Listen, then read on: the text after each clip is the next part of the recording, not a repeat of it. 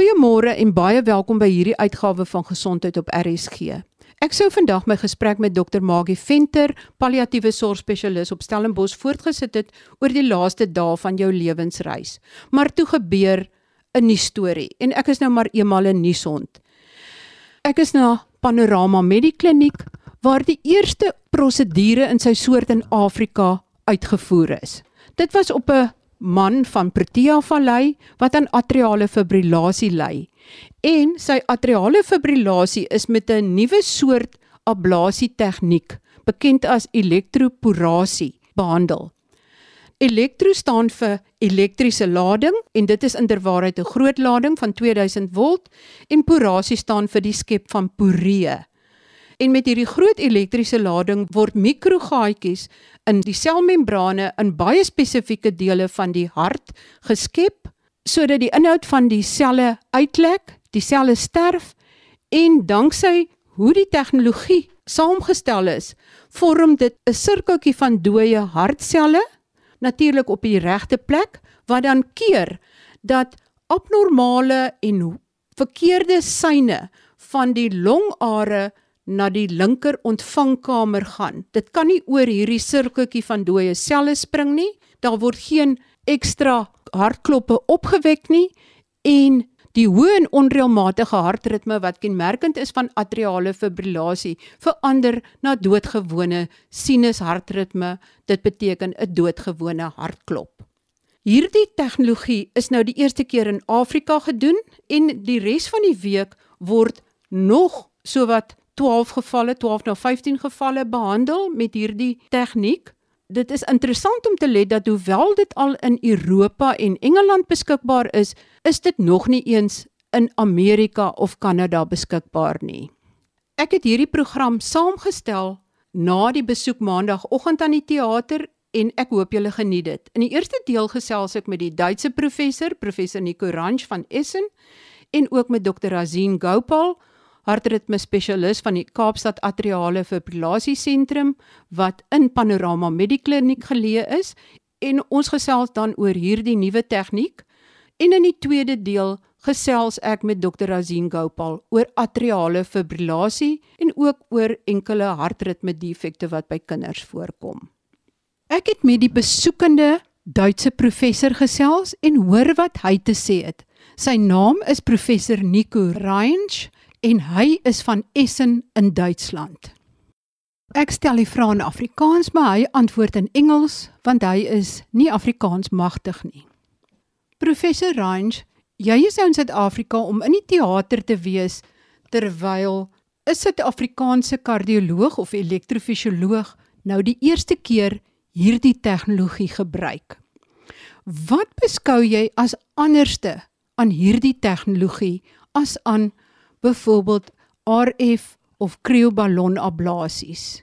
So we call this technology electroporation or it is also known as pulsed field ablation. It's a quite old technology. Um, it's more than 20 years old and has been used in other treatment options in cardiology, cancer therapy as well.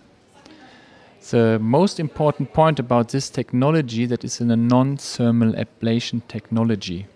And the big advantage of this technology is, is it's more safe compared to the other technologies we have so far. That means radio frequency or cryoablation.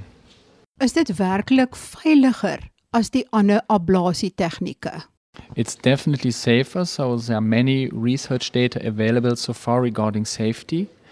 The main point is when you use cryo or RF ablation, the tissue surrounding the heart may be heated again. And um, we avoid this using the PFA technology. So, especially the tissues surrounding the heart, that means the esophagus, um, the nervus phrenicus, and the aorta, are not affected at all using this technology. And this is a big step regarding safety. Hoekom is dit veiliger? There's a different threshold to destroy the tissue. So the myocardium has a less strong threshold to be destroyed compared to the tissues around. So when we apply energy up to 2000 volts, so quite a lot, we can destroy the muscles in the heart, what we aim for, but the threshold for the surrounding tissue is much higher. So that's why we have big advantage in safety. Ek het tydens die prosedure opgelet dat jy baie fyn en noukeurig gelet het en oor en oor getoets het dat daar geen ligborrels in die kateter is nie. Hoekom is dit so belangrik dat daar nie ligborrels in die kateter moet wees nie? Air is the biggest enemy when doing cardiac ablation procedures. It is very important not to have an air bubble inside the heart because if this air bubble moves down uh, outside the heart and it goes up to your brain, this can cause cerebral infarction. And if it moves to the cardiac vessels, this also can cause myocardial infarction. So it's absolutely important that there's no air bubble inside the sheet and beneath the catheter. Jy het ook op 'n stadium heparin, dit is 'n bloedverdunner aan die pasiënt toegedien.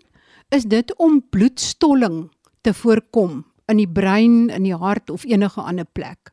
Exactly. So in the left atrium, we always have to administer heparin to avoid thrombus formation on the sheet and on the catheter because it's the same as bubbles. If these thrombus formation may jump out of the heart, they also can cause cerebral infarction. So it is very important to administer heparin to avoid thrombus formation inside the heart. In terme van die tegniese aspek, Hoe moeilik is dit om daardie mandjie en later die blommetjie aan die voorpunt van die kateter te ontplooi en presies op die regte plek te plaas?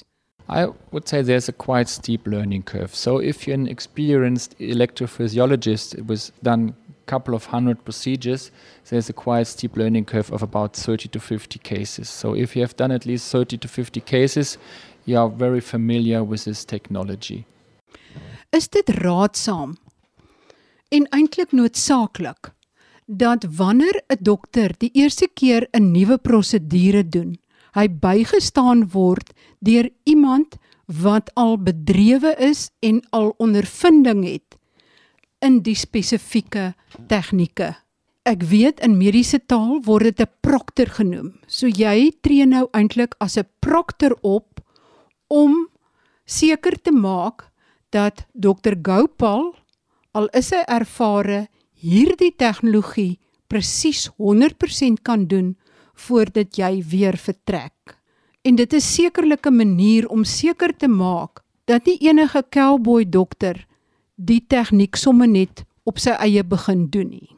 It's a new technology, and it's uh, everything which is new. There are always some tips and tricks, and there's some learning curve. So what we aim for is just to give some tips and tricks, as we have done a couple of hundred procedures so far, to give some tips and tricks to the new operators of this technology, even if they are very well experienced electrophysiologists. Wat dink jy van hierdie tegnologie?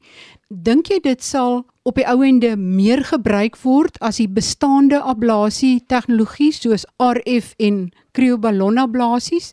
En dink jy dit kan ook gebruik word in die behandeling van ander hartritme defekte byvoorbeeld soos Wolff-Parkinson-White syndroom wat veral in kinders behandeling verg?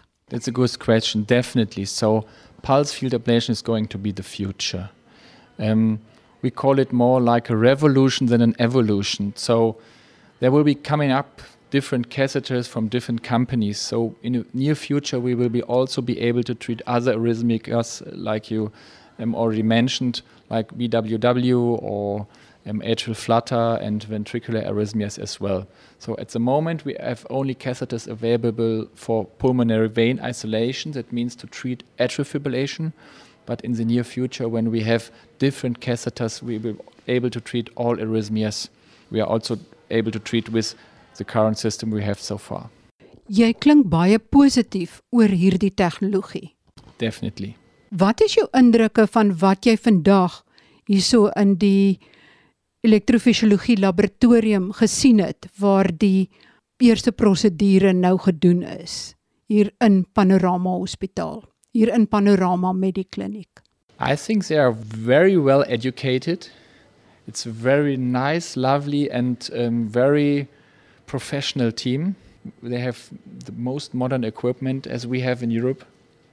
So I believe PFA is going to be a real advantage for South Africa and the whole continent as well. Een van die risiko's wanneer mens met 'n kateter in die linker atrium werk, is dat die kateter se punt deur die wand van die linker atrium gesteek kan word. Hulle noem dit perforasie van die linker atrium. Is die risiko met elektroporasie ablasie kleiner as met ander ablasies dat dit kan gebeur of is die risiko steeds daar? Yes, there's still a, a, risk for perforation. That means that you have a cardiac tamponade, and this is a quite severe complication of this procedure. But you have a very gentle sheet, it's very soft, it's a soft tip, and the catheter is very soft as well. So, to our experience, we have now above more than 500 cases done in our lab.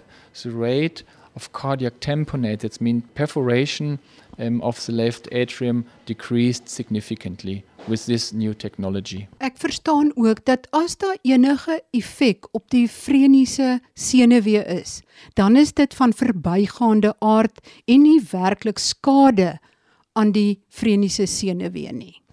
Yes, there have been some reports there may be transient paralysis of the nervic phrenicus, but it's not because of damage of the nervous phrenicus is more of the, saturation of an overstimulation of the nervous phrenicus. So we haven't seen any durable damage of the nervous phrenicus at all in all our patients we have treated so far. Julle is nou 'n rukkie aan die gang. Wat is julle suksessyfer om atriale fibrillasie met hierdie tegniek te herstel? It depends on the patient. So, in paroxysmal atrial fibrillation, which is the indication for this new technology, the efficacy is more than 85% in our cohort. Of course, it depends on the patient, on the age of the patient, the duration of atrial fibrillation, but you can assess success rate in between 80 and 90%, even more close to 90%. Het sommige mense 'n tweede ablasie nodig? If you have to, we also can give a second ablation. At the moment, we only can do second ablation with other technologies because this catheter is only approved for first do ablations at the moment. But in the near future, we will also have focal catheters so that you can also do redo procedures with this uh, new technology. Thank you, Professor. Thank you very much. Dr. Gopal, jy het pas die eerste elektroporasie ablasie gedoen. Is dit baie anderste as krioablasie en RF ablasie? Ja, ek dink daar's 'n groot verskil tussen die drie in die sin dat die energiebron wat ons gebruik heeltemal verskillend is. Hierdie is 'n intense elektriese veld wat om die kateter geskep is en sodoende dan hierdie energie gebruik om die pulmonale venus te isoleer. In die verlede was dit met uh, radiofrekwensie gedoen Krioablasie is ook 'n baie algemene tegniek wat gebruik word wêreldwyd. En hierdie is nou die nuutste bron van energie wat bespiegel is om een van die veiligste en eh, sowel as vinnigste modaliteite van terapie te wees. Hoekom is dit veiliger of hoekom word dit as veiliger beskou? Ja.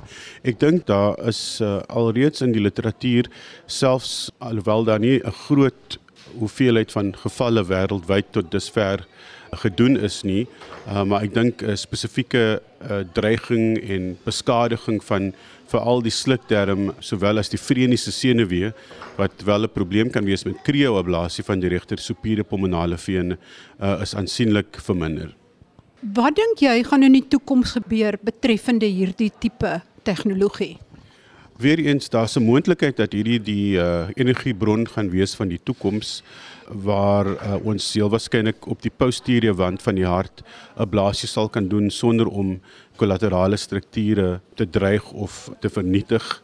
En sodoende is dit heel waarskynlik een van die modaliteite wat ons vermoed uh, selfs met 'n puntkateter die energiebron van keuse sal wees in die toekoms. Maar ek dink dit is um, heel te vroeg om daaroor kommentaar te lewer Is jy opgewonde oor die nuwe tegnologie? Hmm, ek is baie opgewonde. Dit blyk om baie veilig te wees en ook baie vinnig. En ek dink dit alleenlik in die sin dat mens met meer spoed in die linker atrium kan manipuleer en ook die pulmonale venus uh, kan isoleer, beteken dit selfs as gevolg van linker atriale sogenaamde dwell time is die kanse vir uh, enige beskadiging aansienlik verminder omdat jy eintlik baie minder tyd daar spandeer. Ek gesels nou met Dr. Azin Gopal, hartritme spesialis van die Kaapstad Atriale Fibrillasie Sentrum in Panorama Medikliniek en ons gesels oor atriale fibrillasie en ook oor hartritme defekte wat by kinders voorkom. Dr Gopal, hoe werk ablasie? Jy gebruik die energie om die stroombaanpunte by die openinge of by die monde van die uh die venus, die pulmonale venus wat in die linker atrium open.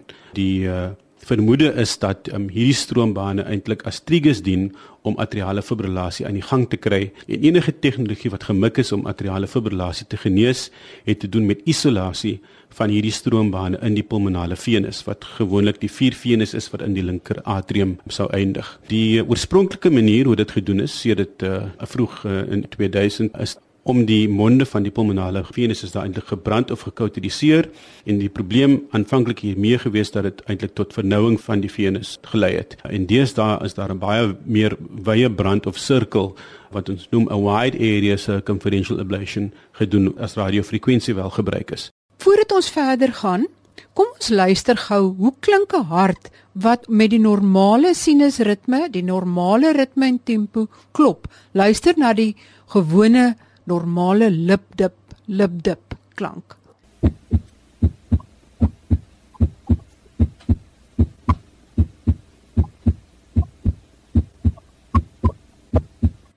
En so klink 'n hart met 'n onreëlmatige hartritme soos in atriale fibrillasie. Daar is nie die reëlmatige lipdip ritme nie.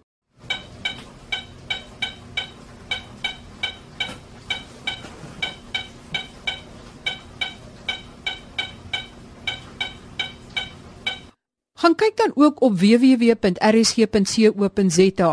Ek het baie interessante sketse en video's gelaai sodat jy mooi kan sien hoe atriale fibrillasie werk en hoe ablasiebehandeling die abnormale impulse verhoed om die hart binne te kom. Dit is nou van die longare af wat terugkom met die skoon bloed terug in die linker atrium van die hart en dit is dan juis daar by daai monding wat die abnormale impulse wil inkom, maar wat dan gekeer word na ablasie. Wat presies gebeur in atriale fibrillasie dat dit gevaarlik raak? Hoekom moet dit behandel word want dit lyk my die neiging is ook dat dit al hoe vroeër behandel moet word. Definitief is absoluut korrek in die sin dat daar is nou 'n neiging om uh, atriale fibrillasie eintlik te behandel in die vroegste moontlike stadium om uh, verdere hermodulering van die atrium oor tyd te voorkom. So wanneer ons atriale fibrillasie sien, is die uh, gewone aanbeveling nou om so vroeg as moontlik die pulmonale venus te isoleer voordat daar strukturele uh, en elektriese hermodulering van die linker atrium plaasvind wanneer dit eintlik baie meer moeilik is om die atriale fibrillasie eintlik te genees. So wat dit op neerkom is daar is gewoonlik of litteken of abnormale stroombane vanaf hierdie uh, pulmonale venus wat veroorsaak dat die hart dan fibrilleer. Wanneer die hart fibrilleer beteken dit dat dit asinkroon uh, en baie vinnig saamtrek uh, en dit kan lei tot veelvuldige simptome of dit nou lighoofdigheid of lusteloosheid, borskasongemak, uh, natuurlik die algemene simptoom van hartklopings en so voort. Die probleem met hierdie asinkrone uh, en chaotiese samentrekking van die die boonste kamers van die hart is dat uh, daar nie 'n laminêre of 'n uh, mooi egale vloei van bloed is nie, maar wel turbulente vloei.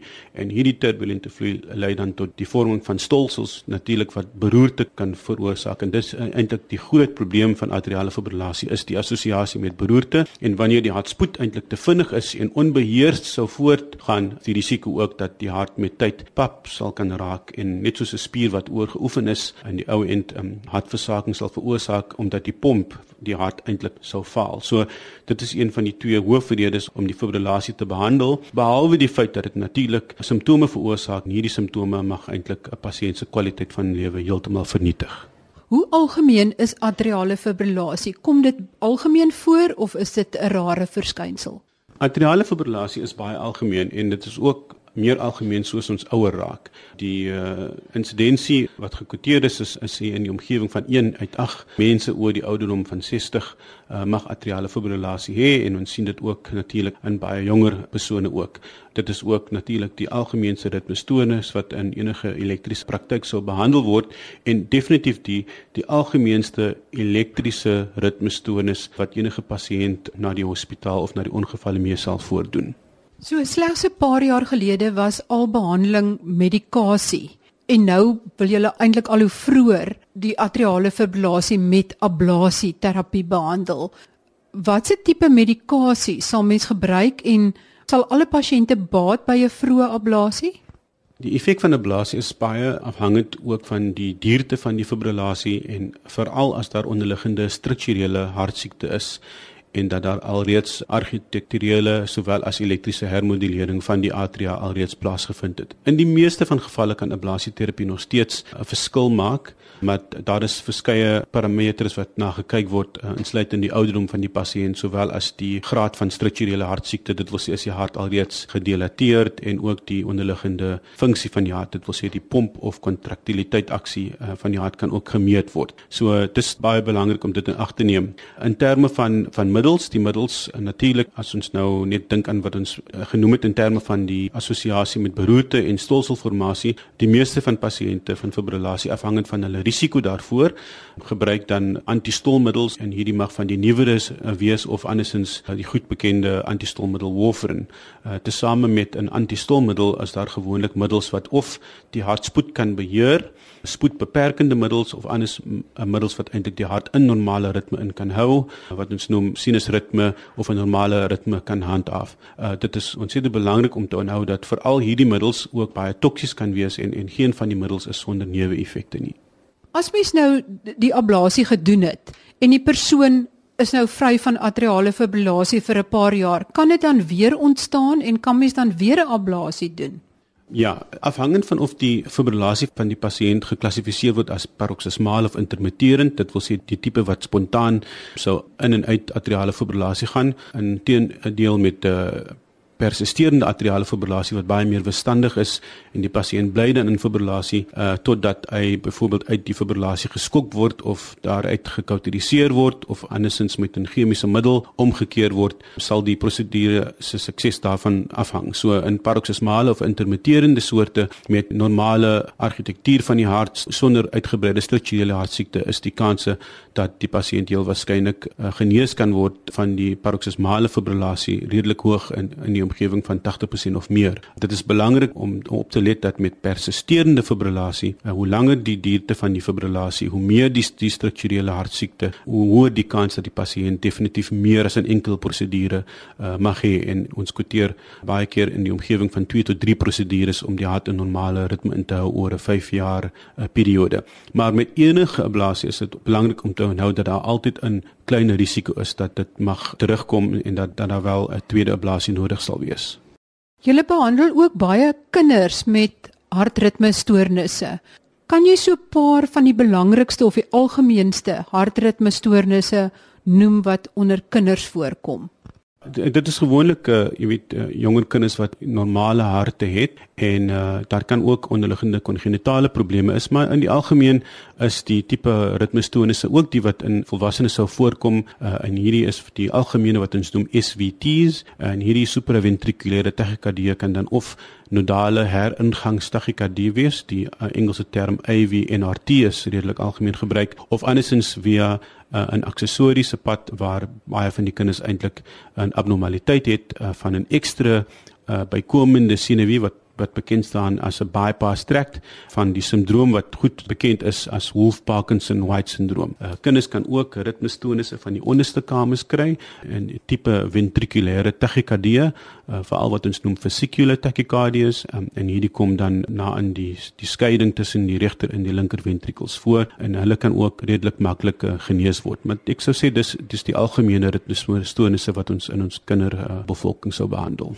Kom ons luister net vinnig hoe klink dit as 'n kind met supraventrikulêre tachykardie of oftewel SVT se hart vinnig klop. Ek speel net eers vinnig die normale hartritme en dan onmiddellik daarna die SVT vinnige ritme.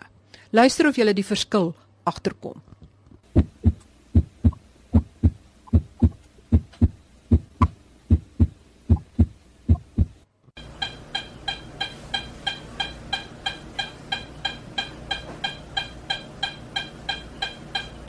Dokter Gopal, as jy 'n finale boodskap het vir beide pasiënte daar buite en vir dokters, wat sal dit wees? Die uh, onlangste literatuur sou ondersteun dat uh, atriale fibrillasie redelik vroeg uh, in sy uh, verloop behandel moet word. So dis die eerste ding dat pasiënte met AF uh, vroeg verwys moet word uh, vir behandeling want hoe langer die duurte hoe moeiliker is dit om dit te genees met tyd. So dis die een ding wat ek wil noem, verwys pasiënte uh, vir atriale fibrillasie vroeg na 'n elektrofisioloog vir behandeling. Uh, die tweede uh, sou wees dat dit baie belangrik is om die pasiënt uh, se risiko vir beroertes uh, te stratifiseer omdat uh, bloedverdunnings, jy weet, 'n integrale of 'n baie baie belangrike gedeelte van die behandeling is uh, van atriale fibrillasie. So verwys vroeg en maak seker dat die pasiënt wel op 'n ordentlike bloedverdunner is as hulle wel dit uh, uh veronderstel is om te kry. Onthou dat aspirine nie 'n sterk genoeg bloedverdunningseffek het om die risiko vir beroerte in pasiënte met atriale fibrillasie te verlaag nie.